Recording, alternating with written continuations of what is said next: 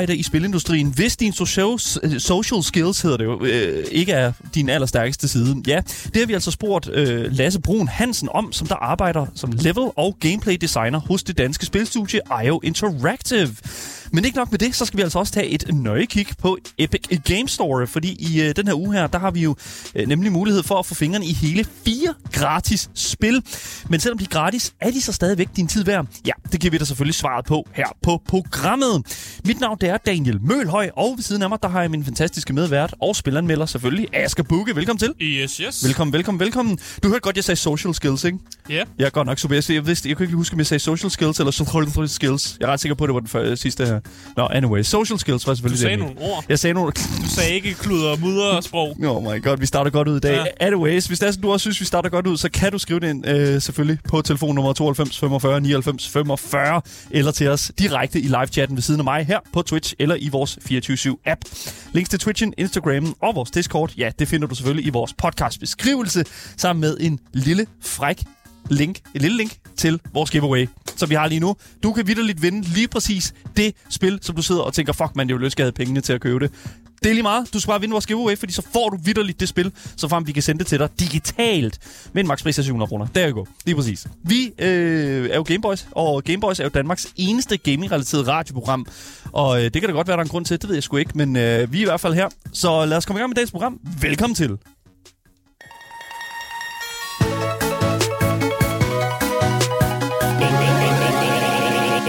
Det er blevet tid til næste øh, instans, næste episode af vores IO Interviews, og øh, vi kan lige så godt sige, som det er, det er en sjældenhed som jeg siger hver eneste gang, vi laver det her indslag, at vi spiljournalister, vi kommer ind altså, og stikker hovedet, hovedet ind hos de her store spilstudier på en helt normal dag, og vidderligt bare hiver nogle af de her eh, vildt kloge hoveder op i en øh, sofa, og så sidder vi og taler med dem omkring, hvad de laver, og omkring, øh, hvordan og hvorledes øh, de er havnet hos IO Interactive, og så vidderligt få de her råd her fra direkte fra dem, som sidder og arbejder på alle mulige forskellige fronter hos et spilstudie om, hvordan øh, man kan sige, hvordan man kan lande i det samme arbejde, som de sidder i. Og det er altså vildt interessant, og vi har haft et par stykker af dem nu, hvor at jeg synes, at hver eneste interview vidderligt bare har været bedre end det andet. Jeg ved ikke, om det er, fordi vi blev bedre og bedre på dagen, vi lavede interviewsene, mm. men, eller om det bare sådan et... Det vi blev bedre til at udtrykke os kortfattet, fordi, fordi vi fik at vide, at vi havde mindre tid med de sidste interviews. Altid godt at vide med ja. Lidt, uh, lidt behind the scenes. Det er også lige ja. Meget, fordi at, at når, når det handler omkring de her mennesker her, så skal man jo nemlig uh, forholde sig re- relativt kortfattet, fordi de er enormt travle, alle de her mennesker. Ja. Og uh, den person, som vi havde, har i fokus i dag, det er altså en person, som jeg tror virkelig havde travlt den dag, fordi han har sat, han, han havde virkelig mange ting, han skulle nå på, øh, på en dag. Han havde i hvert fald mange jern i ilden. Personen, vi skal snakke om, det er altså Lasse Brun Hansen, som er level- og gameplay designer hos IO Interactive. Han har altså arbejdet på enormt mange forskellige ting hos det det danske spilstudie, sådan som for eksempel Hitman selvfølgelig, og mm også nogle af de lidt nyere ting, som vi faktisk ikke kender til endnu. Og det, jeg synes, det hver eneste gang, vi fik nogen ind, så var det sådan noget, alright, øh, jeg kan tale om Hitman. jeg kan ikke tale om øh, det, vi, det, jeg sidder og laver. Det hemmelige projekt. Det hemmelige projekt, og jeg synes, det var så fedt. Men det er også lige meget, fordi det vi jo egentlig skulle snakke mm. med Lasse om, det var jo præcis, hvad hans arbejde var, og det må jeg simpelthen sige, det kan jeg lige så godt, øh, øh, ved du, øh, ja, det var virkelig, virkelig fucking fedt. Jeg ved ikke, om, øh, om du sådan kan, altså han, han, Lasse talte jo meget omkring sådan den her, sådan, hvad kan man sige, øh, det her samarbejdsgen, som mm. man skal have for at kunne være i, i et stort spilstudie. Ja, ja, ja, det kan jeg også godt huske, og jeg kan også huske, at vi spurgte ham, om, om, om man kan begå sig uden at have for mange social skills. Ja. I, I hans felt i hvert fald. Og så var det sådan lidt som om, at det var sådan lidt, "Nej, nej, man sk- nej, mm. nej, det kan man sgu nok Nej, ikke. det, det Man går nok ikke. Fordi man skal, man skal have ret mange bolde i luften, og man skal jo ligesom kunne kommunikere med mange grene mm. af andre sådan, facetter af spilindustrien, for at man kan få det til at give mening. Ja, lige præcis. Så han var nødt til at sige, det, det, det, du, du skal sgu kunne snakke et eller andet form for sprog med nogle andre. Men lad os høre det direkte fra manden ja. Ja. selv, Lasse Brun Hansen, level og game designer hos IO Interactive. Lad os øh, øh, gå, tilbage til, gå tilbage i tiden, hvor vi sad og interviewede ham hos IO Interactive. Gameboys. Så har vi fået fint besøg her af Lasse, men uh, Lasse, skal vi ikke starte med at bare, at du lige introducerer dig selv i form af, hvad du laver her på, på IO Interactive, og også selvfølgelig, hvor længe du har været her. Yes, jamen øh, mit navn er Lasse. Øh, jeg er game designer her hos IO. Øh, jeg har været her tæt på 8 år, er det nu. Mm. Øh, I stor del af min tid her- herinde har jeg været level designer også. Mm. Øh, men vi er sådan en ret teknisk flok, uanset hvilken type designer vi er herinde. Så det er sådan, der åbner muligheder for at kunne hoppe lidt frem og tilbage øh, på tværs af, af de øh, banelinjer, der er blevet tegnet op, når det kommer til de forskellige øh, mm. afdelinger. Mm. Så lige nu øh, hygger jeg lidt med noget game design. Mm. Så det virker som om, du får lov at hoppe lidt for nogle projekter af, og du ikke kun har været fast på et projekt, eller er det korrekt forstået? Ja, så øh, på alle de nye, øh, den nye trilogi af, af Hitman-spil her, mm. der var jeg level designer. Og så har der været lidt, lidt andre øh, projekter indimellem, vi har, vi har været i gang i, hvor har prøvet lidt at være noget game design, og så hoppede jeg tilbage på Hitman 3 og var i level design igen der, og så noget game design igen, mm. og nu er jeg så game design. Nu, nu, der, jeg synes virkelig, vi slynger øh, betegnelsen yeah. game design øh, meget. Sådan for, mm. Men jeg synes, lad os, lad os prøve at få sådan lidt mere sådan, komme ned i materien i forhold til, den her, til det her arbejde her som mm. game design. Hvad, altså, for dig, altså, hvad, hvad indebærer den sådan titel? Altså, hvad, hvad, hvad, hvad fanden sidder du og laver dag ud og dag ind, Lasse? Den, den måde, jeg ligesom plejer at differentiere mellem de to termer, det, vi du lige har brugt, ja. det er, at ofte så tror jeg, som level designer, der tænker man på oplevelsen inden for et vist scenarie, mm. man prøver at præsentere, hvor man har lidt mere måske kontrol over, hvad det er, der kommer til at foregå for spilleren i mm. hvilken rækkefølge, mens at game designer, de tænker mere på spillet systemisk.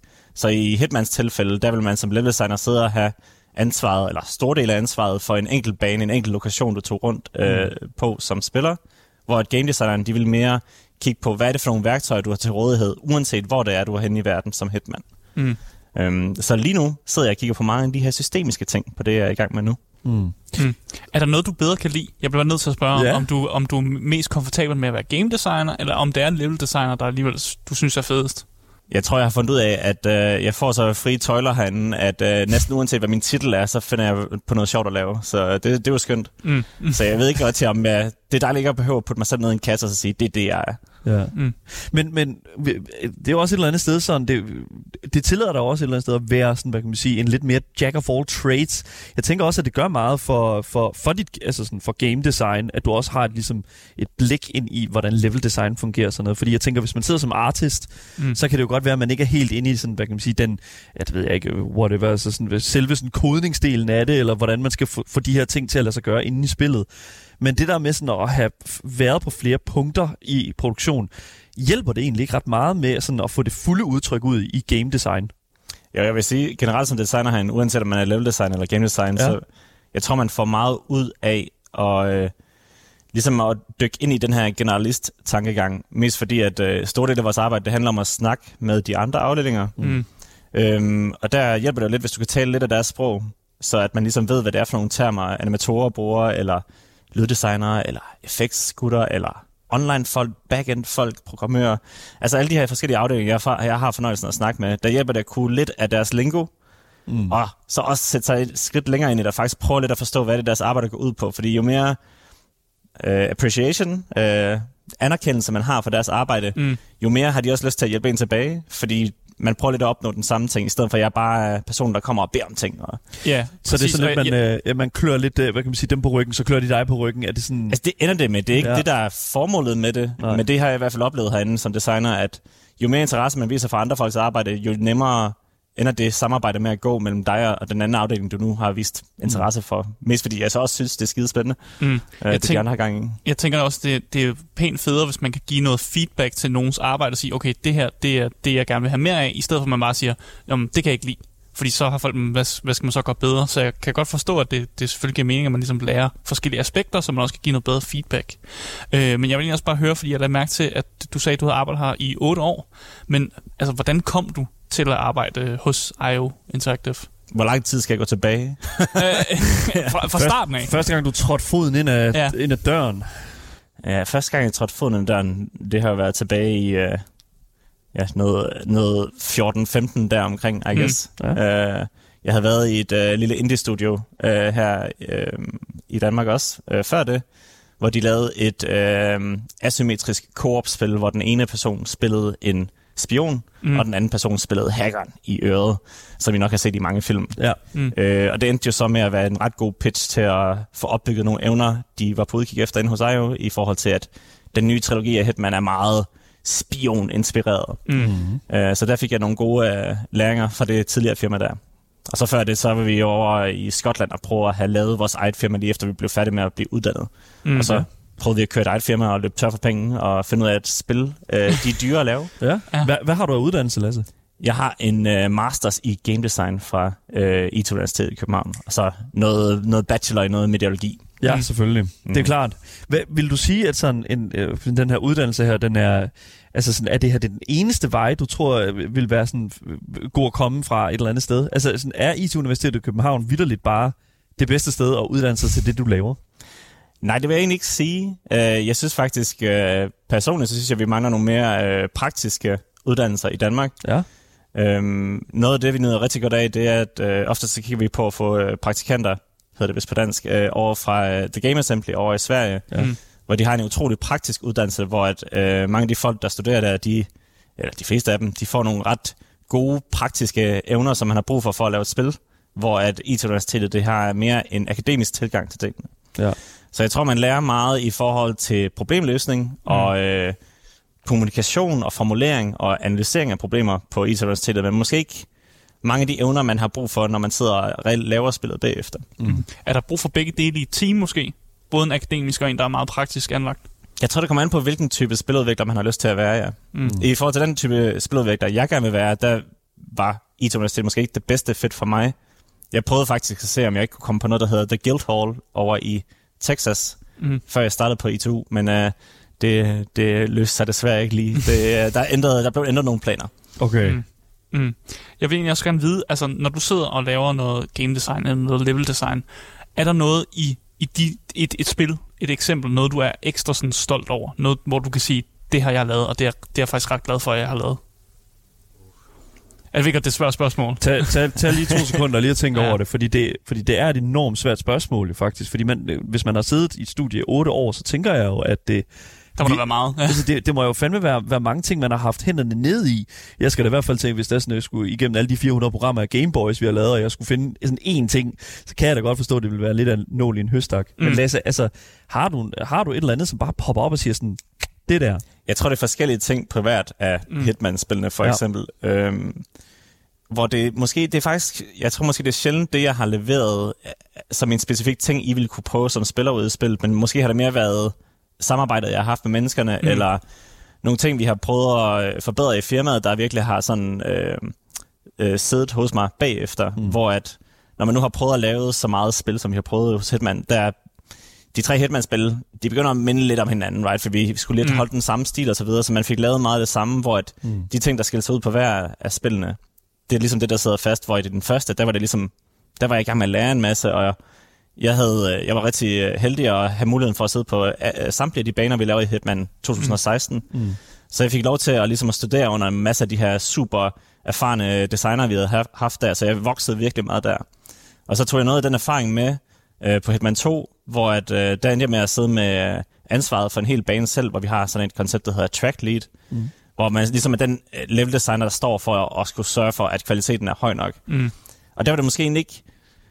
Øh, jeg lavede den her suburban bane over i USA, øh, og det var måske ikke den bedste bane i spillet, men den var sådan under nogle ret hårde øh, produktionskrav, så vi havde ikke ret meget Mm. tid til at lave den. Og øh, hvis man tager det i betragtning, så synes jeg faktisk, at den endte med at blive ret god, fordi vi havde bare et virkelig stærkt hold der, som man nødt at arbejde sammen med. Mm. Og så på træeren, der var jeg så tilbage, og så prøvede jeg at være lead level designer, som er lidt mere en lederstilling, hvor jeg Mm. prøvede at få holdet til at blomstre, i stedet for at det var mig selv, der skulle levere noget fedt. Og det var også en fed oplevelse at prøve at tage det med, og prøve at se, om jeg kunne få noget godt ud for... Øh, altså, være stolt af andre folks arbejde, mm. fordi du forhåbentlig enablede dem lidt til at lave fedt Mm. øh, ja, håndværk. det er jo et eller andet sted også en helt vanvittig fed, øh, sådan et fedt perspektiv et eller andet sted også at være den der, sådan, mm. den der person, som, som måske kan inspirere andre til også at, at, at yde sit bedste og sådan, hvad kan man sige, og, og at have en lederstilling er jo en, en ret stor ting, specielt i, i sådan, i, i, i sådan et uh, foretagende som IO Interactive for eksempel, hvor, hvor der jo produkt, produkter skal produceres og den slags. Ja, men det er også et godt karaktertræk, at man siger, at man er stolt over, at man har ligesom fået andre til at blomstre. Og Mm. det, det er jo bare en hatten af, for at du føler, at du er stolt over det. Sådan, og så Lasse. håber jeg også, det er rigtigt. Altså, det skal så siges, jeg er ikke, jeg er ikke, øh, jeg er ikke leder mere, Nej. fordi jeg prøvede det i to års tid, og så var jeg sådan lidt, ved I hvad, det, det, øhm, det kilder i fingrene efter, at få, jeg vil gerne have hænderne nede i maskinen igen. Mm. Mm. Jeg vil gerne ned og bygge noget igen. Ja. Øhm, så jeg var stolt af det arbejde, jeg gjorde, men jeg kunne godt mærke, at min rute var et, et andet sted, og det er også noget, jeg tror, det er noget, man er nødt til at prøve at indse selv her i spilindustrien, men også i andre industrier, det her med, at en forfremmelse er ikke nødvendigvis altid, at du skal være leder af nogen. Mm. Hvor vi er heldige nok herinde, at der, kan man ligesom, der er to ruter, man kan tage. Man kan ligesom begynde at gå ned ad et mere en lederrute, Ja. hvor det handler om at lede et hold af folk, eller du kan gå virkelig, virkelig dybt i dit håndværk, Mm. så man kan blive den, den bedste i verden til at bygge spillet. Right? Mm. Og det synes jeg er fedt, at vi har muligheden for det, i stedet for at man ikke altid skal sige, Nå, men nu vil jeg gerne prøve noget voksen noget mere, og det kan jeg kun blive, hvis jeg er leder af et hold. Mm. Ja, så det er fedt at have muligheden for det herinde. Mm. Der sidder jo mange, hvad kan man sige, spirende, øh, kloge hoveder derude, som jo enormt gerne vil arbejde inden for den her industri her, men det kan jo være en lille smule svært og sådan at finde den helt rette vej ind. Vi har jo talt lidt omkring din vej, Lasse, og vi har også for, forsøgt at, sådan at male lidt et billede af, hvad, hvad, hvad for et mindset man jo et eller andet sted skal have for, Mm. for at klare sig godt her. Men hvis, Lasse, hvis, du, hvis du ligesom skulle hjælpe os med at finde et eller andet fantastisk godt starter-kit til en, øh, til en game designer, eller for den sags skyld også en øh, level designer, altså hvad tænker du så, der ligesom skal være i den her sådan, første skoledags taske, hvis man næsten skal sige det på den måde? Sådan, Mm. hvad, hvad, Hvad skal vi have med? hvad kommer de til at mangle? Er der, sådan, er der et skide godt uh, computerprogram, eller er der, er der et godt forum? Eller, øh, altså, hvad kunne der være i den her taske for en inspirerende game designer? Jeg tror sådan, holdningen vi generelt har, når vi hyrer også praktikanter ind, det hedder praktikanter på dansk, ikke? Jo, jo. Men, øh, altså, øh, før, før de ligesom er fuldt ansatte, hvor, hvor folk ligesom Mm. får et forsøg herinde. Ja. Ja. Right? Øhm, jeg, vil, jeg vil langt hellere arbejde med nogen, der har den rette holdning til at lave spillet, end folk med den dybeste tekniske viden, som måske ikke er de fedeste personer at arbejde sammen med. Fordi at øh, i sidste ende, så handler det om, at vi skal være et hold, der arbejder sammen. Øh, så hvis du har den rigtige mentalitet til at lave spil, så kan man komme langt med det. Og det er jo selvfølgelig svært at præsentere på et CV. Så det er jo kun en af delene jo. Fordi vi er også interesseret i, jo, længere, jo mere erfaren du er, øh, jo mere har du nok også leveret af ting, der er færdige. Mm. Øhm, og jeg tror især nu til dags, hvor der er så gode værktøjer til at lave spil, så er det rigtig nemt at starte på ting. Men det er altså lidt sværere at Gør afslutte færdigt, ting. ja. Og det er jo det klassiske råd, hvor vi bare siger, jamen kom nu bare i gang med at lave det. Mm. Mm. Men det er altså ikke så nemt, som det lyder, right? Nej. Alle folk, vi har alle sammen idéer. Der er ikke nogen, der sidder herinde og er idépersonen. Mm. Det er ikke noget job som herinde. Man har altid andre ting. Idéer kommer fra alle steder. Mm. Så jeg tror, det er lidt det her med at prøve at kunne vise, at du kan afslutte noget, selvom det er bare et lille hobbyprojekt. Hvis det er tight, hvis det spiller godt, mm. den ting, du har lavet, eller hvis det ser mega flot ud, eller hvis det er mindblowingly godt optimeret fra en programmering øh, så tror jeg, det er noget, man lægger mærke til, når man, når man som i min position også skal sidde og bedømme, hey, er det en person, vi gerne har lyst til at arbejde med? Ja. Mm. Øhm, så det er svært at give et, et specifikt svar, men jeg tror, det her med at prøve at ja, få afsluttet noget, og så også en sidste ting, det er, jeg tror, selv før jeg startede hos IO, og i det andet firma også, jeg tror, man undervurderer, især, især som designer, hvor meget af mit job, der handler om at bare snakke med folk. Mm. Jeg kan næsten, jeg kan bruge hele, en hel uge på næsten ikke at sidde og lave noget direkte selv på keyboardet inde i engine. Mest fordi du bare ender med at koordinere, eller du er ofte den, der ligesom er, er tovbinder mellem en masse forskellige afdelinger, Mm. ja. som så gør, at du ligesom har overblikket, så du kan større for, at folk arbejder i den rigtige retning. Så du kan ende med at blive sådan lidt mini-director ofte. Men det er også fordi, jeg har været her et stykke tid nu, så man, Mm. der bliver forventet andre ting. Ikke? Okay. Så det lyder som om, at, at der jo ligesom skal være sådan lidt en mentalitet af det der, altså, du siger færdiggør noget. Og, ja, og det er bare sådan husråd, godt husråd, godt Ja. ja. ting færdig. færdiggør. Men der er også I livet måske også, ja. ja. Ja, altså jeg- vil, vil man, hvis man hvis man ikke var så, havde så stærke sådan, for eksempel social skills og den slags der, vil man så kunne lave det, som du laver? Tror du? Jeg tror, du vil have rigtig svært ved at lave det, som jeg laver her. Jeg tror Okay. måske, det er også på grund af det firma, som jeg jo er. Jeg tror måske, det at være designer i andre firmaer, kan potentielt være lidt anderledes. Okay. Øh, hvis dit firma var lidt større, jo større du er, jo mere speci- specialiseret øh, en rolle har du. Øh, og der er jo bare nogle stillinger, som vi for eksempel ikke har rigtig herinde endnu. Mm. Det kan være, at vi begynder at få det, når, når vi er voksne, men sådan noget som UX og sådan noget, det er sådan noget, der be- først begynder at, at ligesom blive, i hvert fald blive lagt penge af til, jo større et firma bliver. Det kan man så argumentere for, om det er en god eller en dårlig beslutning. Det, det er jo øhm, Øhm, men det bare det der med, at hvis du skal sidde og fokusere på en meget specifik ting, så kan det måske gå, at du ikke øh, måske har, er den bedste til at snakke med andre mennesker. For det skal man heller ikke forvente. Jeg kan bare øh, sige det ud fra mit synspunkt, at det vi laver herinde, den tror jeg er lidt sværere, hvis du ikke har det så nemt med at, at, at samarbejde med andre mennesker. Mm. Mm. Og i sidste ende, så er det jo lidt en, en holdindsats, der får lavet et spil. Så man skal nok lidt kunne arbejde sammen med mennesker. Fedt, mand. Ja. Lasse, jeg må simpelthen sige, at det har været en vanvittig stor fornøjelse at have dig her i vores uh, fantastiske lille hjørne i hos IO, IO Interactive. Vi har Ja, indtaget et lille hjørne her. Ja, virkelig, virkelig fucking fantastisk. Uh, super, super, tusind tak for det, game designer for IO Interactive. Tusind tak for at bidrage til at inspirere nogle unge mennesker her hos Gameboys. Tak fordi I vil have mig. Gameboys. Og øh, så er vi jo selvfølgelig tilbage her. Øh, Du lytter til Gameboys her på 24-7, Danmarks absolut eneste gaming-relateret radioprogram. Vi har altså lige øh, siddet og hørt et lille fantastisk interview imellem mm-hmm. os to og så den ene, ingen ringer en øh, Lasse, som sidder som... Øh, Lasse ja, Brun Hansen, Lasse Brun Hansen, ja. som er level og game designer. Ja, lige præcis. Øh, Udover de selvfølgelig andre roller, som man har haft igennem sine øh, otte år i, hos IO Interactive. Ja, det er, en, det er, det er fandme nede med mange år. Øh, men bare lige for at tage nogle af de ting, han snakker om, bare lige for at, at tage bare hans, hele hans, det, han arbejder som. Altså, Ja. level og game designer er ikke det samme. Nej. Og, og nogle gange er han det ene, og nogle gange er han det andet. Men det, han siger, det er jo, at hvis man er level designer, så koncentrerer man sig om oplevelsen inden for et scenario. Og hvis man er game designer, så er man mere sådan fokuseret på hele spillets oplevelse. Mm. Og det er, jo, det, er jo, det er jo de to, hvordan de to er forskellige. Øh, at hans titel så er level og game designer, er jo bare sådan, at nogle gange laver han det ene, og nogle gange laver han det andet. Men det kommer også an på, hvilket projekt han er tilknyttet. Ja, lige præcis. Men det er også et eller andet sted meget interessant, at et menneske kan, kan de to ting altså han lige godt, have, ikke? Ja, fordi det ene, jeg må gå ud fra, at game designer, så har man et lidt større overblik. Man skal ligesom kunne se alle, fordi jeg, jeg har jo gået ud fra, at der er flere teams, som sidder med sådan og level design, og så game designer har ligesom det hele øje, øjeblikket. Og hvis man så er level designer, så sidder man bare nede, specifikt nede i sådan et level. Jeg sidder og laver øh, Paris-level til Hitman, eller sådan noget, mm. øh, hvad man nu kalder det.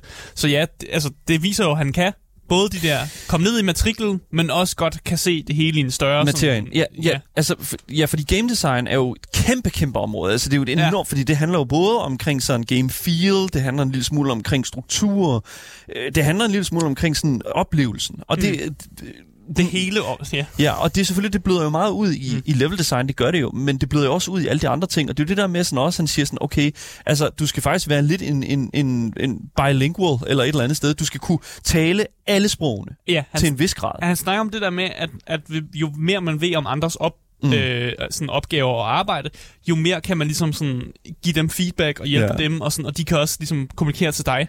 Så det handler også om det der med, at man kan anerkende hinandens arbejde, og man mm. ved, hvad de laver, og derfor kan man sådan kommunikere bedre og gøre ens projekt meget bedre, fordi man også er nede i deres sådan, materiale og sådan noget. Mm.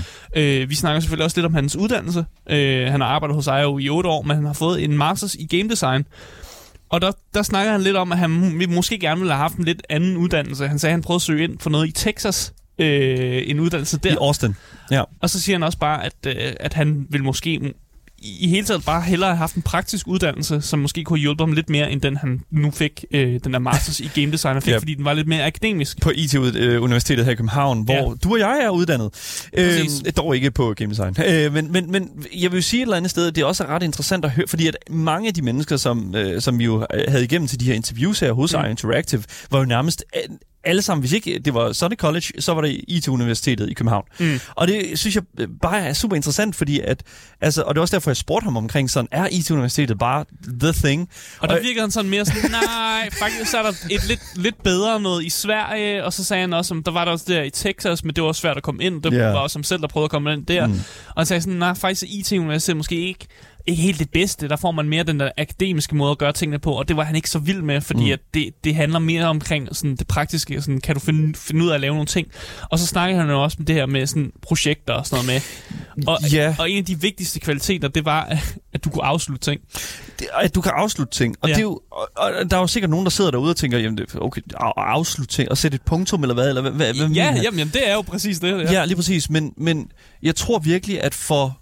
Jeg tror virkelig, at det er en ting, som rigtig, rigtig mange mennesker, rigtig mange kreative mennesker, anser som være en eller anden form for, det er jo da en lille smule sådan arbitrært, eller det er sådan lidt lige meget. Altså, hvad mener du? Altså, skal man ikke bare have et godt, øh, en god idé, eller sådan et eller andet? Men det er jo det der, det, det er jo det der med, at du kan, ja, det er jo det der med, at du kan vise, at du kan følge noget til døren. Ja, ja. Det Altså, der, ja. du kan, alle kan begynde at starte med at strikke, Mm. men der, der er noget andet i at afslutte en trøje, Ja. eller gøre sådan et eller andet færdigt, som du kan tage på, for eksempel. Vis noget. Ja, ja, og det, jeg tror, det er det, han mener. Og han, han siger Ja. jo også det der med, at det afslut ting, det er ikke kun i videospilsindustrien, det er altså også i livet. Og det er også det, vi snakker mm. om nu.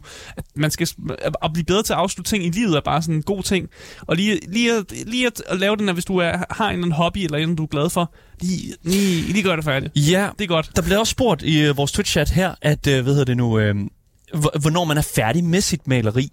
Og, der synes, og det synes jeg faktisk er interessant, Det er et fordi godt spørgsmål. det er et godt spørgsmål, men det er også det der med, sådan, hvad er mentaliteten bag det at være færdig med noget? Mm. Og det er også noget, man skal lære sig selv. Det er også noget, man skal uddanne sig til at et eller andet sted at forstå, hvornår er nok nok. Ja, og især spilindustrien kan hele den der linje med, hvornår man er færdig med noget, jo bare bløs ud helt vildt meget. For der er mange industrier, der ligesom udkommer med et spil, og så patcher de det, eller fixer det, eller laver nye ting til det. Og så Det er det, der bare hedder en live service. Ja, ja, og så Ja. bliver det ved med at lave det. Men så er der selvfølgelig også firmaer, der bare, du ved, releaser spillet, og så er det det, man får. Ja. Der bliver ikke patchet en skid, og der, der bliver ikke set på det igen. Det var det, var det produkt, vi fik. Ja. Det var sådan, det er. Men jeg vil også lige knytte en, øh, en kommentar til noget, som øh, der blev skrevet længere op i vores Twitch-chat her, er så random. Mm. Uh, han skriver nemlig her, træls for os, som ikke kan magte universitetet.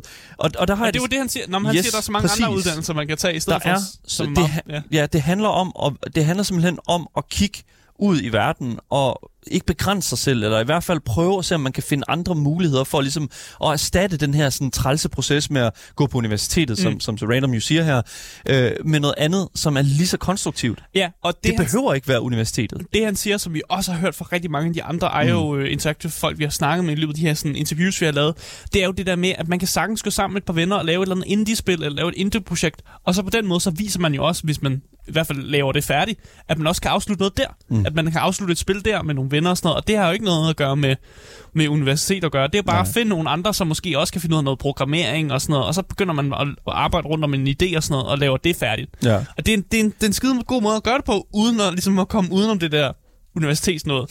Altså, jeg, jeg vil altid anbefale, at man selvfølgelig får en uddannelse og sådan noget, og det er en god Fordi ting. det, det er også det et eller andet sted, det som øh, Lasse han Ja, ja, siger her. Altså, i, At det er aldrig en dårlig idé at få en uddannelse. Nej, fordi det, det, uddannelse er jo mange ting. Uddannelse Ja. er jo en, egentlig bare, sådan, man kan sige, en masse små øh, samlinger af, af erfaringer. Præcis. Og når der er sådan, at du øh, overfører det til alle mulige forskellige instanser, så, så kan det jo være whatever. Mm. Men, men, men det, som jeg tror et eller andet sted, at Lasse han mener, når han siger det der med, med en god uddannelse, så det, det han jo et eller andet sted mener, det er, at man skal lære at arbejde sammen med folk, eller man skal lære ligesom at, at få noget ud af det samarbejde. Fordi det han også valgte, mm. da vi spurgte ham om, hvad han var mest stolt af, der nævnte han jo netop den her ba- Suburban-bane, han har lavet i et Hitman-spil, hvor at han jo netop øh, blandt andet også var en del af et stærkt team, hvor at man mm. ligesom hjalp hinanden meget, og det her med, sådan, at han var meget stolt af at kunne få andre til at, sådan, ligesom at blomstre op. Det var dig, der sagde det, Asger, tror jeg. Ja. Altså det der med sådan ligesom at sige, alright, vær, vær, vær den der sådan wizard der, der sådan går og kaster de der sådan positive spells mod folk og gør dem bedre, altså sådan går og buffer folk og sådan noget. Ja, og jeg må sige, det er et, øh, et virkelig stærkt karaktertræk, og det var, det var også noget, jeg netop lagde mærke til i interviewet. Jeg var nødt til at, jeg var nødt til at komplimentere ham på en eller anden mærkelig måde. Ja. Fordi at, at man som karaktertræk kan sige, at jeg var virkelig stolt over, at jeg kunne få andre mennesker til at gøre et bedre stykke arbejde, synes jeg er så godt et karaktertræk, at, at hvis jeg ser det, så bliver folk nødt til at få at vide, hvor fucking gode mennesker de er. Ja. For at, at, det er en, en ting, der gør dem glade. For der er ret mange mennesker, som jo ser meget ting som sådan en individuel ting. Ja. Som siger, jeg skal præstere så godt jeg nu kan. Jeg skal gøre mit bedste, og jeg gjorde det pissegodt her. Men hvis man kan se ud over det og sige, jeg fik, jeg fik andre ting til at ske igennem nogle andre mennesker, fordi de blev bedre på grund af noget, jeg gjorde, mm. så er det bare, det, det er smukt. Det, øh, det kan jeg godt lide. Det, Men, men, men det er også et eller andet sted, her Paul skriver også i vores Twitch-chat her, at øh, han skriver her, jeg tror, at en uddannelse er vigtigt for en arbejdsgiver, fordi at det viser, at man kan gennemføre noget, og at man har forstand på basis. Jamen, og, og, og, og til det så sy- synes jeg sådan set bare, at man jo også et eller andet sted, altså hvis også at du kan lave et eller andet videospil, altså du behøver jo som sådan ikke nogen uddannelse for at kunne lave et videospil i dag. You, vi har jo YouTuber og en masse gratis, øh, hvad hedder det nu, værktøjer, mm. som egentlig tillader dig at kunne færdiggøre hvilket som helst projekt, uden at du reelt set behøver at træde foden ind et sted, hvor du skal bruge SU-klip. Og mm. det er sådan, altså, det, det tror jeg bare et eller andet sted er lige så godt ja. og sendt, og det var også det, vi for eksempel havde med Anders Poulsen, øh, som jeg ved nu var kon- øh, character designer hos IO Interactive, som jo vidderligt bare gjorde det. Han sendte en, en bunke tegninger afsted. Ja. Altså, det, det, det er jo sådan en ting, man jo et eller andet sted stadigvæk godt kan gøre. Det kan man godt. Ja. Men, men igen, nu skal vi også huske på, hvad Lasse sagde. Det at lave spil, det er en holdindsats. Sådan. Og nogle gange, så kan du ikke bære et projekt, medmindre du hedder Toby Fox, og du, og du seriøst et eller andet... Toby Fox. Jamen, du er kæmpe talent. What? Kæmpe talent, og du bare kan finde ud af at lave det hele. Sådan, jeg laver bare musikken, jeg laver bare historien, jeg programmerer sgu det hele. Altså, mindre du, du har et eller andet kæmpe talent, så skal du bruge, du skal bruge nogle Nu mennesker. skal du ikke sidde og tale folk ned, Nej, Asger. men du skal bruge et hold. Du skal, du skal kunne kommunikere med folk, og du skal, du skal ligesom kunne lave et spil igennem sådan en holdindsats. Det er ligesom, når du spiller fodbold. Altså, det kan godt være, at du, du er en pissegod angriber, men hvis dit forsvar det sejler, så lukker I flere mål ind, end du kan score. Jamen, det, Ja, men det var for også at det- lave en sports. Det var også det, vi så med Notch. Øh, Det var det, vi så med, med Notch, Marcus Persson med, med Minecraft. Mm. Ikke? At, uh, han s- ender så op med at sælge til, til Microsoft ikke? og forlader hele øh, skuden med mm. alle sine penge. Og der var sådan lidt sådan, det kan man jo også kigge en lille smule sulten efter. Ikke? Det, det, det skal, at være den næste notch, eller hvad? Hey man, næste notch, no worries. Altså, det, er- det, det er nemt. Det er fucking nemt. Don't worry about it. Ej, men det, jeg synes, det var sindssygt interessant at tale med, med, med, med, med Lasse. Det var virkelig, virkelig fedt. Ja. Så altså, de råd, som han kom med, altså kommunikationer, alfa og omega, mm. du skal have så, hvad hedder social skills for at kunne få det til at fungere. Og Til en vis grad, Til en vis ja. grad. Og så selvfølgelig også øh, have, et- have, et- have, et- hvad kan man sige, have noget at vise for dig selv øh, et eller andet sted. Vis, at du kan noget. Vis, at du kan sætte nogle punktummer. Vis, at du kan øh, vise, hvem du er. Fordi du er noget. Ja. Og du kan noget. Så, så d- der er ikke nogen grund til ikke at vise det. Og det, Ja. jeg, jeg tror bare, det er det, som, øh, som jeg, der jeg vil lægge den. Ja. Ja, skal vi ikke gøre det? Jo, det synes jeg, det lyder en Vildt fucking fedt. Jeg vil igen uh, takke IO Interactive for at stille op. Selvfølgelig også Lasse Brun, uh, Lasse Brun Hansen, hvad hedder det nu, uh, for simpelthen at komme og sidde, uh, sidde med os. Det var en kæmpe, kæmpe stor fornøjelse. Og vi har jo stadig et interview tilbage, mm. som vi jo sender i den her uge her, fordi at vi går jo på ferie om en lille uge. Så vi skal lige have de sidste ud, og det er Ja. altså super fucking fedt. Vi slutter på et virkelig, virkelig højdepunkt. Så virkelig get ready, guys. Mm. Get ready. Og det uh, skal I selvfølgelig holde øje med i løbet af ugen. Men endnu en gang, tak til IO Interactive.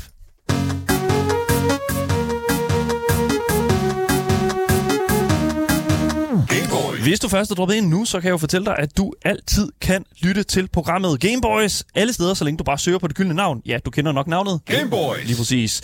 Du kan også altid give os din mening om det, vi taler om, bare på nummer 92 45 99 45, eller selvfølgelig i vores Twitch og vores 24-7-app. Mit navn er Daniel Mølhøj, og med mig i studiet, der har jeg min fantastiske medvært, Aske Bukke. Yes, yes. Du lytter til Gameboys, og nu skal vi til noget helt andet.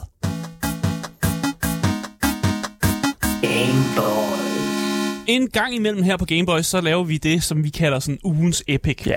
Og det er der, hvor vi går ind på Epic Game Store, som øh, er en storefront her på, øh, på, på PC'en, øh, hvor man egentlig kan købe spil.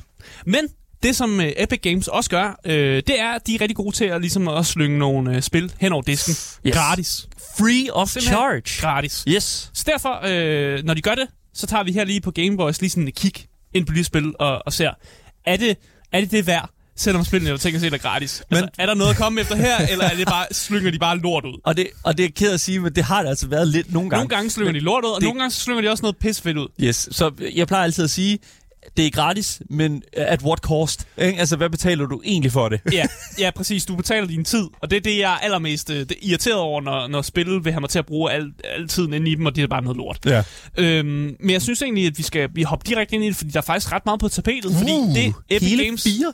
Ja, det Epic Games har gjort, det er simpelthen, i den her uge, vi er, øh, stadig er i nu, der kan du få to spil, mm. og i næste uge, der kan du faktisk også få to spil. Så vi skal igennem øh, fire spil Skal i jeg alt. fire spil? Hell, hell Så jeg synes egentlig bare, at vi skal øh, snakke om det første spil, som øh, du kan få i den her uge, og det er det spil, som hedder A Game of Thrones The Board Game Digital Edition.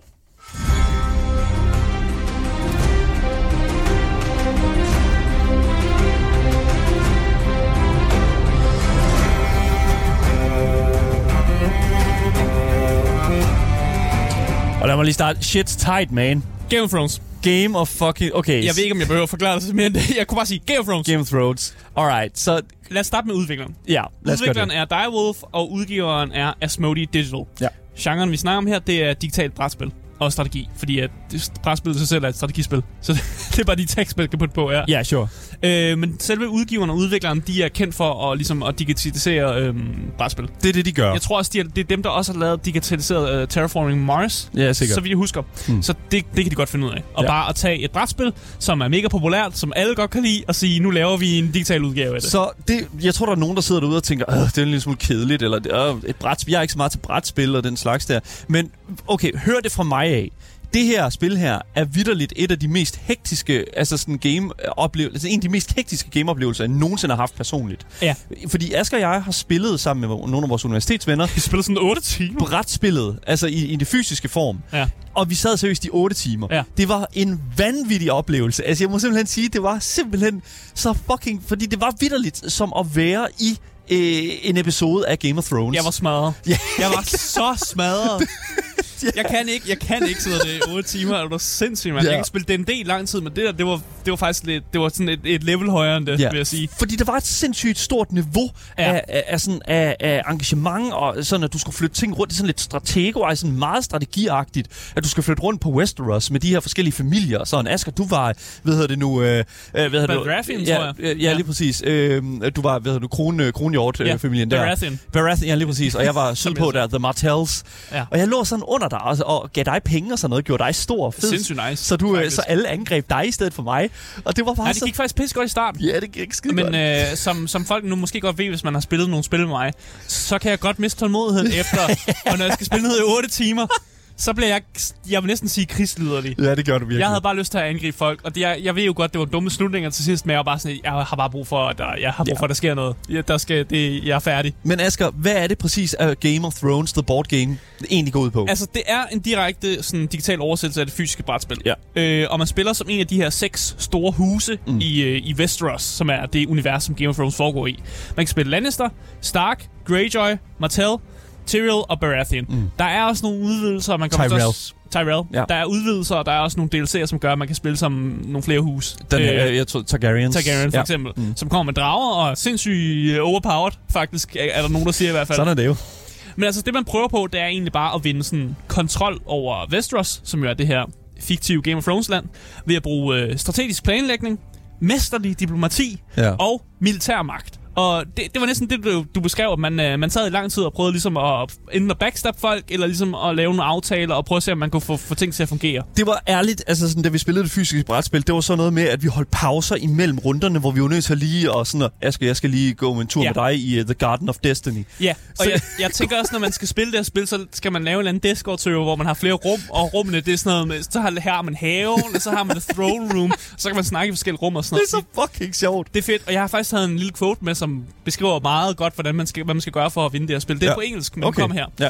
A house that there sets its eyes on the iron throne must turn many wheels within wheels to achieve its end. Ja, Og det er wheels det der med, at man skal... within wheels. Man skal tænke på, man skal finde... Altså, det er ikke bare øh, skak. Mm. Det er firedimensionel skak, det her. Fucking all over the place. Man skal tænke, tænke flere ture frem i det her spil. Og altså, ja, det skal, og jeg kan huske, da vi spillede, der var det sådan, altså, jeg- for eksempel puttede masser af penge ind i Asger, så han blev stor og fed, men, men så, og, så var min plan jo ligesom at gå hen og sådan og overtage sådan den der support state, som var The Tyrells i vores board game, mm. i vores, øh, som Asger også styrede lidt. Så lige snart Asger blev udryddet, så kunne jeg jo tage alle de der castles der, og så når man får et vis antal castles, så, så vinder man man, spillet. Ja. Det var min taktik. Men det er det der med, at en, det er sådan en ting, man er nødt til at, sådan at sidde og tænke, fuck man, jeg skal virkelig, jeg skal hvis jeg er i Norden, så skal jeg også holde styr på vandet omkring mig. Jeg skal holde styr på alle mine tropper, der går ned igennem sådan The Fingers og sådan noget. Altså sådan, Ja. Hvis du er fan af, af selve tv-serien, eller bøgerne for den sags skyld, så er det her seriøst et, et, et brætspil, som jeg tror bare ikke, altså, ikke skal fucking undgå. Ja, og det fede med det her, det er jo, at øh, normalt, når man spiller brætspillet, så skal man bruge nogle venner. Et par venner i hvert fald. What? Ej, du kan også spille online. Men her, ja, og det er Ja. det, jeg siger. Det her spil, når, det er ikke brætspillet. Du kan godt spille øh, med en AI. Ja. Så du kan spille helt alene øh, sammen Fedt. med andre AI's for at få det til at fungere. Og du kan også bare finde folk, øh, du ved, randomly sted. Altså finde nogle random mennesker, der har lyst til at spille. Friends no longer required. Præcis. øh, og rent sådan teknisk, altså det er 10 ture, man spiller det spil. Men det er, det tager længere tid end lige det. Ja, det tager ikke 8 timer. Det tror jeg, kan jeg simpelthen ikke tro på, det gør. Og så kan jeg også fortælle, at udover at man selvfølgelig øh, skal øh, kæmpe med sine, øh, sine venner om at vinde Westeros, så er der også det der med, at man skal holde øje med den her mur Ja. mod nord. Ja, det er klart. Fordi der er, der er en trussel, som alle spillerne skal tage sig af. Så hvis man troede, at det her bare var spillere, der spiller mod hinanden, så er det faktisk også spillerne, der på et tidspunkt skal øh, måske rotte sig sammen for ligesom at finde ud af, hvad der foregår på, på den nordlige side af, af muren. Ja. Fordi der er et eller andet, øh, der er nogen, nogen, øh, nogen på vej. Som, Vi siger ikke, hvem. Spoilers. Jeg ved ikke, om man kan spoile på det. Det er spoilers, det der. Men, men man, skal, man skal kæmpe mod nogen mod nord. Ja, der, bare- der, der, der, bare sker så. noget. Ja. Jeg kan fortælle, at øh, lige for at slutte af her, at øh, normalprisen for det her digitale brætspil, den går på 96 kroner, hvilket jeg ikke synes er en høj pris. Meget færre pris. Jeg købte det til, det, til lidt over den pris på Steam. ja, faktisk, Ja. ja. Øh, det er jo selvfølgelig på Epic, her det, prisen ja, er. ja, det er det. Men som sagt, det er jo gratis. Det er free nu. Så øh, jeg vil anbefale folk til, hvis de øh, har rigtig meget tid på hænderne, og har lyst til at samle nogle venner for at spille noget Game of Thrones. Øh, Hvis I er blevet træt af Civilizations. Ja, ja, ja, det her, det er, på, en- det er helt på en anden måde end Civilization. Det er det jo, men, sige. men, men det, det, hvis man skal snakke om et spil, der tager lang tid, ikke? Ja, ja, præcis. Ja. Ja. Så, øh, så er Game of Thrones, uh, The Board Game uh, Digital Edition, det er måske der, man skal kigge hen. That, maybe that's, that's the way to go, ja, lige præcis. Lige præcis. Game Boys. Men lad os uh, kigge på det næste spil, som også kan fås i uh, den her uge. Øh, og det er det spil, som hedder Car Mechanic Simulator 2018.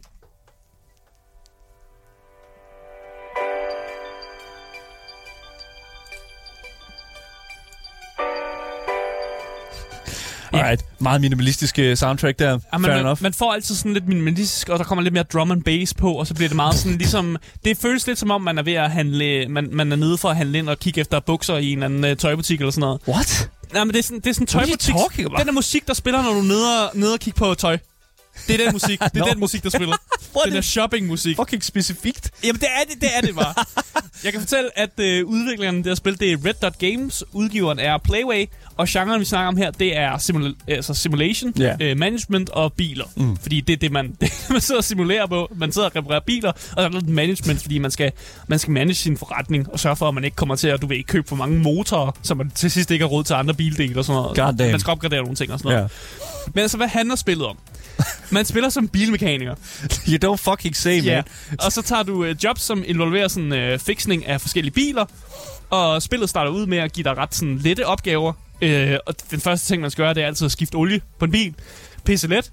Øh, men spillet bliver mere og mere avanceret, og du ender til sidst med, at altså, du skal næsten skal bygge biler op fra bunden af. Altså bygge din egen bil og sådan noget. Ikke?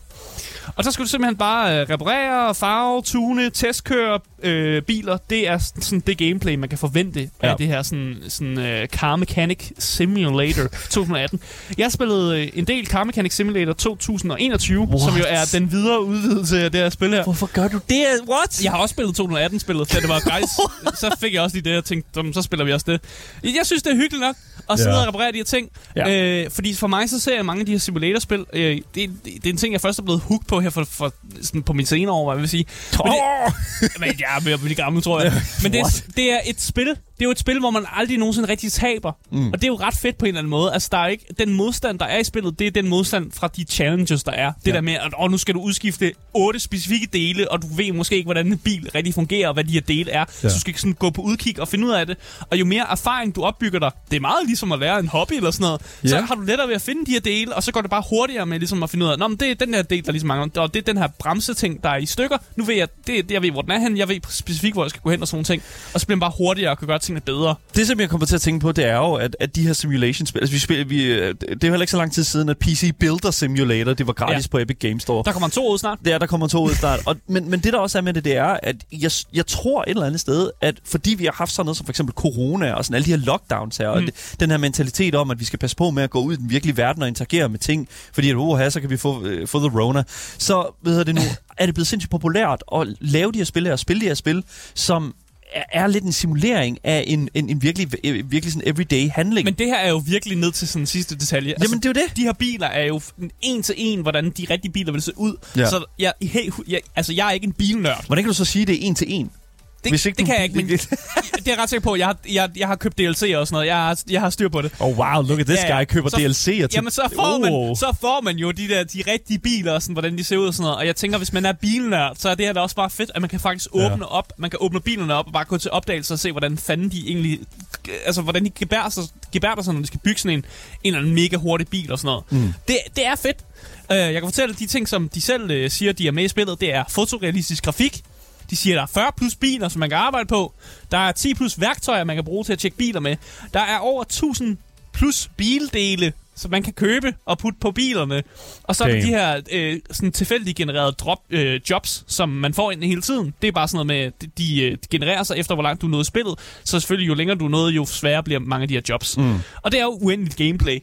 Altså, du bliver med at få flere jobs, og du kan blive med med ligesom at, at udvide din shop. Øh, så kan du også gå ud og finde det, der hedder barn finds, så må man gå ud i en lade, og så finder man, så finder man What? gemte, gemte skatte i laden, tror jeg, jeg vil kalde What? det. Man kan finde sådan gemte rustbiler, eller gemte sådan dele ude i lader. Så kan du lige tage dem med, og så kan du putte dem ind i et eller andet, altså så- i en, eller bygge en ny bil, eller ligesom sådan shine dem op, og så mm. sælge dem for profit og sådan noget. Ja, det er det. Jeg synes også, der er et eller andet fedt i, at man har sådan en, der er sådan en, en, en, sådan en, en, hvad hedder det, når man er sådan en, der, der finder ting og sådan restaurerer dem, og så sælger dem videre. Jeg ved ikke, om det har et navn, men der er et eller andet fedt ved, at man også, man også er det, udover at man er mekaniker, så er man også en eller anden, sådan, hedder det en kejler? En krejler. En krejler, det er det, der hedder. En krejler. En eller anden krejler, som også lige... Brugtvognsforhandler. Brugtvognsforhandler, ja, det ved jeg ikke. En eller anden, der lige gør tingene lidt bedre og sådan noget der. Der er også et avanceret opgraderingssystem, som gør jo sådan, den, den, den helt simple opgradering, det er jo bare, at man skruer lidt hurtigere på møtrækkerne. Wow, det er jo... Det betyder meget, Wow. det er det, du gør allermest i det her spil, det er at skrue møtrækkerne. Så det er en upgrade, jeg kan anbefale med det samme. Få fat i den som hurtigt som muligt, så du ikke skal skrue så meget på, på, på, på skruerne, hvad jeg vil sige. Altså, jeg er ked af at sige det, Asger, men, men folk er Man kan også køre bilerne. Man kan køre bilerne ude på test track. Jeg er af at sige det, Og så kan man køre race med bilerne. Jeg tror ikke, folk er så... Altså, bilaktioner. Der er sådan en junkyard, hvor man kan finde dele og sådan noget. Så jeg, jeg, jeg, jeg kan godt lide det her. Asger er solgt på Car Mechanic Simulator. Selvfølgelig er det. Asger, kom. Jeg har spillet det. Fald nu ned, mand. Det var gratis, så jeg downloadede det, og jeg havde det mega fedt. Oh my god. Okay. good. Det kommer fra en fyr, der der lige har startet med at spille Skyrim igen. Og det er Ja, okay, det er det, jeg har sagt. Okay, cool. Jeg ved, hvad min sommerferie skal bruges på. Car, Okay. Car Mechanic Simulator 2018 er gratis lige nu på Ja. Epic Games Store. Og, Det koster øh, 96. koster før. normalt 96, ja lige Ja. præcis. Og man kan jo sige, det er til en vis øh, for, form for gamer, vil jeg sige, øh, en systematisk gamer, Ja. som egentlig gerne bare vil slappe en lille smule af med noget, måske have en podcast kørende eller en YouTube-video kørende. Og 100% det kan jeg sagtens se appealen af. Hvis man er til biler, så tror jeg også 100% af det her spil her er lige noget for dig. Men altså... Hvis, hvis, hvis du er til mere sådan racing-delen af sådan biler og den Det er det slags, også. Du kan også race. der går, jamen så er det jo ikke noget Det var det, problem. jeg sagde, du kan køre race. Ja, du kan køre race jo. Ja. No problem then. Ja. Så holder jeg bare min kæft. Så, skal vi ikke sige på den måde. Anyways, det er de spil, som er gratis i den, øh, i, hedder nu, den her uge her. Men der er jo også de spil, som bliver gratis her senere på ugen, og dem synes jeg, vi skal tage nu. Game Boys. Ja, fordi øh, det næste spil, som vi skal kigge på, som er et spil, som først bliver øh, muligt at downloade i næste uge, det er det spil, som hedder Gene Forge 1 Mutagen.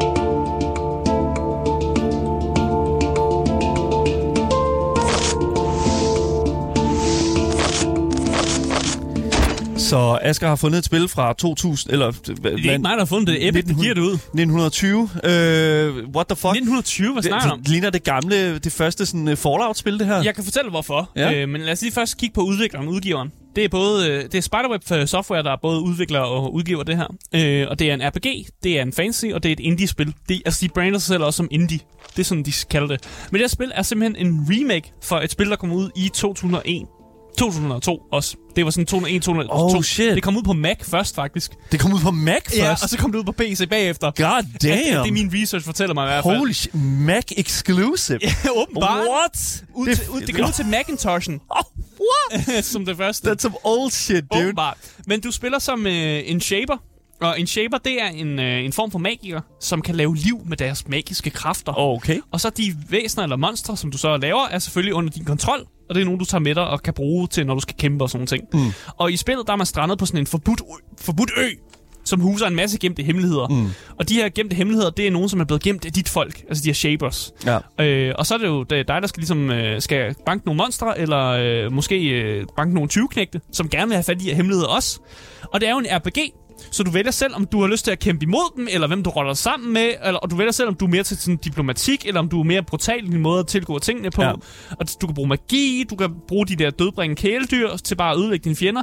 Man kan også bare bruge tricks, diplomati, stealth, til rent faktisk at vinde spillet, uden at angribe en eneste fjende. Ja. Det er muligt, det her spil. Og det synes jeg er fedt, at, uh, at det er sådan en ting, man kan. Hvad hedder det nu? Uh, Morsø skriver også i vores Twitch-chat her, at det her spil går ind under min kollek- øh, kollektion spil, der ligner Sims 1. altså, det, har, det er en old school feel. Det er også et spil Det for... er virkelig old school, det er et spil her. fra 2001. Ja, det, Det skal man det. virkelig sige. Det har sådan lidt en RuneScape-agtig sådan Ja. måde, man ser tingene på og sådan noget der. Og det, det skal man bare have i mente, men derfor kan spillet ikke altså, nødvendigvis er dårligt eller Overhovedet ikke. noget. Øh, og der er jo også de her forskellige fraktioner, som du kan blive en del af. Men du kan altså også bare ødelægge dem alle sammen. Mm. Simpelthen slå dem alle sammen ihjel, hvis det er det, du har lyst til. Ja. Man behøver heller ikke at banke den sidste boss. Det er noget, det spillet også reklamerer med. Hey, you don't have to beat the final boss. Du kan snakke med bossen, eller lave nogle andre ting, eller gøre noget helt andet. Og for et spil, der udkom tilbage i 2001 og 2, altså så vil jeg faktisk sige, at det er enormt interessant. Ja. Altså, det, det, er, det, er, altså, det er jo ikke banebrydende, fordi jeg tænker sådan, øh, jeg, jeg tror også, at hvad hedder det nu, øh, der er andre spillere har gjort det øh, på det her tidspunkt. Men jeg synes alligevel, at, at altså sådan, det er kun sådan, at Fallout, der sådan har gjort noget lignende den, den dur, øh, førhen sådan, at man, man, man, man, man sådan kan tale sig ud af de fleste problematikker og den slags. Ja, altså det er banebrydende for et så tidligt spil, det, men det minder meget om sådan Banebrydende for et Macintosh-spil. nogle, Det, så- nogle gamle sådan Baldur's Gate-spil-agtigt noget. Det, Ja. det kunne også minde lidt om det her. Men det vilde ved det her, det er jo faktisk, den her remake, den blev crowdfundet. Den blev fundet gennem Really? Kickstarter. Det var folket, der gerne ville have en remake af. Damn! Og så besluttede ham, typen, der havde lavet det for, okay, fint nok, hvis folk gerne vil have det, så laver jeg, så, så laver jeg da en remake af det. Det var noget, han snakket om, kunne være en mulighed, og så var folk sådan, men den Kickstarter. Og så, så skete det. Ja. Øh, og jeg kan sige, at i det her spil, der bliver der altså lovet 50 timers gameplay. Wait, what? 50, der er 50 timers gameplay der. What? Ja. 50 Jeg timer? tror på det, jeg tror på det. Jeg så alle de baner, der var sådan noget der. Jeg læste, jeg læste, sad og læste op på det. Den er god nok. Altså, godt nok siger long to, How Long To Beat, at det, det tager lidt under det, men det virker, det virker sgu god nok. You... Wait, what? Ja, der er rigtig meget gameplay her. Der er rigtig meget at komme efter her. Så et 50 timers game, sådan RPG fra 2001, som er blevet remaket, så det fungerer. Det synes jeg alligevel kan et eller andet. Øh, jeg, kan, Oh my jeg, God. jeg kan sige, at normalprisen til at spille, det er 96 kroner, men Det det, er- det, er, det er gratis det er i, stuff. fra næste uge af. What? Okay. Men jeg synes, øh, vi skal lige øh, hurtigt til det sidste spil. ja, det skal vi den 100%. liste. Og øh, det er det spil, som hedder Eratus Lord of the Dead.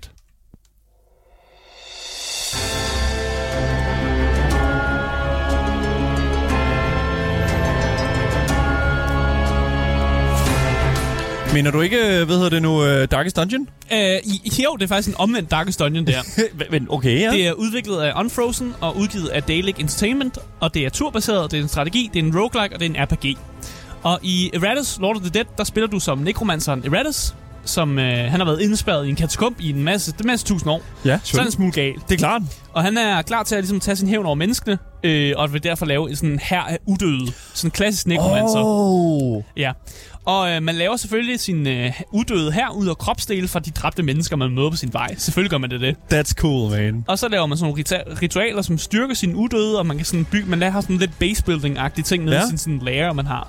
Og man udforsker de her sådan snorede korridorer og sådan underjordiske katakomber og kæmper mod minearbejder, dvæve og korrupte lejesoldater. Så det er det, du mener med en omvendt Darkest Dungeon? Ja. Du er the Darkest Dungeon. Præcis. Du er, det, det, det, det, og dem, du kæmper mod, ligner deciderede karakterer, som kunne være med som helte fra Darkest Dungeon, faktisk. Og det synes jeg bare er sjovt, at det er sådan en omvendt Darkest Dungeon. Ja, wow. Øh, det, og, og rent visuelt. Der ligner det også, og jeg det er samme måde. sige, det er shameless. Det er sådan, det er sådan række combat også, så man, sådan, man står på rækker og sådan Ja. kæmper, og folk kan forskellige ting, hvor de står i rækkerne og sådan ting der. Man kan have 19 forskellige udøde, sådan zombier, vampyrer, skeletter, mumier, banshees, mange flere end det. Og så er det her avancerede kampsystem, øh, hvor man kan vinde både med styrke, men man kan altså også vinde ved at, ligesom, at, at, at gøre dine fjender bange. Altså Ja. den her sanity, som er det, man kender fra Darkest Dungeon. Darkest Dungeon. What? Men, Men den er omvendt. Du kan give dem, du kan gøre dem bange. Dine fjender er bange, så de løber deres vej. men hvem... Okay. Og, og ødelægger deres moral. Okay. Okay, det, jeg har det så lidt sådan, hvornår, hvornår er vi så tæt på Darkest Dungeon, at vi sådan... Vi er rigtig tæt på, fordi det spillet også gør, som Darkest Dungeon også gør, det er, at hver gang du mister en karakter, eller mister nogen, der dør, så saver spillet. Det er det samme i Darkest Dungeon. Spillet saver også, hver gang du mister nogle karakterer og sådan noget der. Så det er, bare, det er simpelthen bare en omvendt Darkest Dungeon, hmm. hvis du nu tænkte, ej, hvor kunne det være fedt egentlig at være på den anden side af mønten, hvor jeg rent faktisk er den onde, som laver de her sådan onde fjender, og, øh, og får lov ligesom at, at tage den her her udød og bare gå mod menneskeheden, fordi man er gal og sur over, at man er blevet lukket inde i en katakombe i flere tusind år. I mean, det er en god præmis, det her. Ja. Det er en god præmis, fordi at Darkest Dungeon findes, føler Ja, jeg. ja, Øh, ja. øh, Jeg ved ikke, jeg synes, der er en lille smule sådan, man, we're getting too close. Men det er en god deal der. Ja, det er fordi det. normalt ligger spillet til 219 kroner. Ja. Og jeg kan huske, spillet kom ud, for jeg så det nemlig på Steam. Der, kunne man, der var det simpelthen sådan en triple A-pris eller sådan noget, mand. Der skulle man tage 400 kroner for at spille og sådan noget. Bruh. Så man kan få det gratis på Epic. Det er en, øh, det er en god deal for et spil, den her kaliber. Det Oh, mega god deal. Det er altså de spil, som hedder det, nu bliver gratis her på, fra på torsdag af. Ja. Og lige nu er der selvfølgelig de første to spil, vi snakker om, som er gratis lige nu. Men ellers efter øh, på torsdag klokken 5, så kommer der altså til at være de her nye spil her, som øh, hvad hedder nu er gratis. Så hold øje med det. Virkelig, mm. der er altså åbenbart en god deal at finde her. Det var alt, hvad vi havde på programmet for i dag. Hvis du, hvis du missede noget, så kan du altså finde dagens program som podcast, hvis du bare søger på det gyldne navn. Gameboys. Så misser du aldrig en nyhed, en anmeldelse eller et interview nogensinde igen. Du kan altid give os øh, din mening om det, vi har talt om på programmet, så links til Twitch, Instagram og Discord, ja, det finder du i vores podcast beskrivelse. Mit navn er Daniel Mølhøj, og med mig i studiet der har jeg haft Aske Bukke. Yes, yes. Lige præcis. Vi er tilbage igen i morgen med meget mere gaming og meget mere Gameboys til jer, der sidder derude og er de top tier gamers som I er. Vi ses alle sammen. Ha' en god dag. Hej hej.